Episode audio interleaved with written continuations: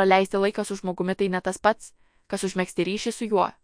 Galime visą dieną būti tuose pačiuose namuose su savo šeimos nariais, bet nesuartėti. Užmėgsti ryšį įmanoma tada, kai esame samoningi ir šimtas procentų susitelkę į esamą momentą. Samoningas dėmesingumas bendraujant su vaikais padeda mums įsijausti į jų situaciją, būti lankstiems, nes patys sugebame išlikti ramus, lavinti intuiciją. Pastebėti subtilės vaiko elgesio užuominas bei būti emociškai susireguliavusiais, o tai reiškia būti emocijų reguliacijos pavyzdžių savo vaikams. Rekomenduojame praktikuoti metodą ypatingas laikas dviese.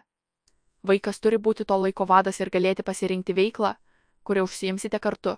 Šio laiko metu pasistengkite nenurodinėti, neklausinėti ir nemoralizuoti. Kai tai darome, mes perimame bendro žaidimo ar buvimo kartu kontrolę, nes vaikas turi nustoti daryti tai, ką daro, klausytis ir suprasti mūsų pateikiamą informaciją. Tinkamiausia veikla ypatingam laikui dviesiai yra veikla be nurodymų. Mažesniems vaikams. Užsiemimai su kaladėlėmis, kūrybiniai amatai, piešimas, lego bet nekonstravimo rinkiniai, žaidimai smėlio dėžėje ir PN.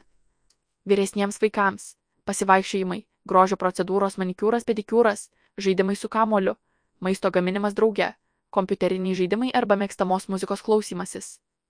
Ryšiui užmėgsti svarbus padrasinimas, kuris emociškai yra išreiškiamas per šiltą akių kontaktą, teigiamą veido išraišką, žodinius pozityvius patvirtinimus bei draugiškus gestus ir prisilietimus.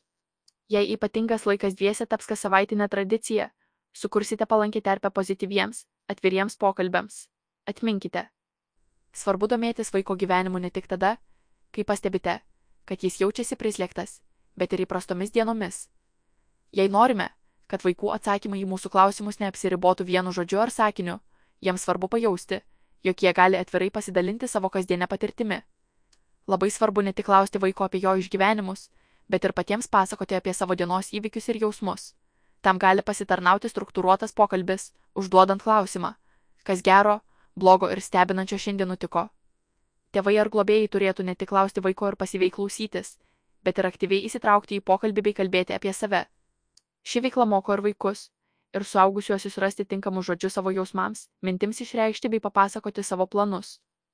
Norint stiprinti vaiko pasitikėjimą savimi labai svarbu nepertraukinėti, nepriekaištauti ir nekritikuoti vaiko ar jaunuolio dėl jo padarytų klaidų ar nesėkmingų situacijų, apie kurias jis jums pasakoja. Emocijų ar išgyvenimų įvardyjimas suteikia aiškumo, Iškumas sukuria saugumo jausmą, o saugumas - pasitikėjimą. Tuomet vaikas jums galės papasakoti ne tik apie gerus įvykius ir teigiamas emocijas, bet ir apie nemalonės situacijas. Pavyzdžiui, kai susiduria su patyčiomis, nukreiptomis į jį patį ar kitą žmogų jo aplinkoje. Kad ir kokie pavargę būtumėte dienos pabaigoje, raskite laiko bent trumpam pokalbiui su savo vaiku.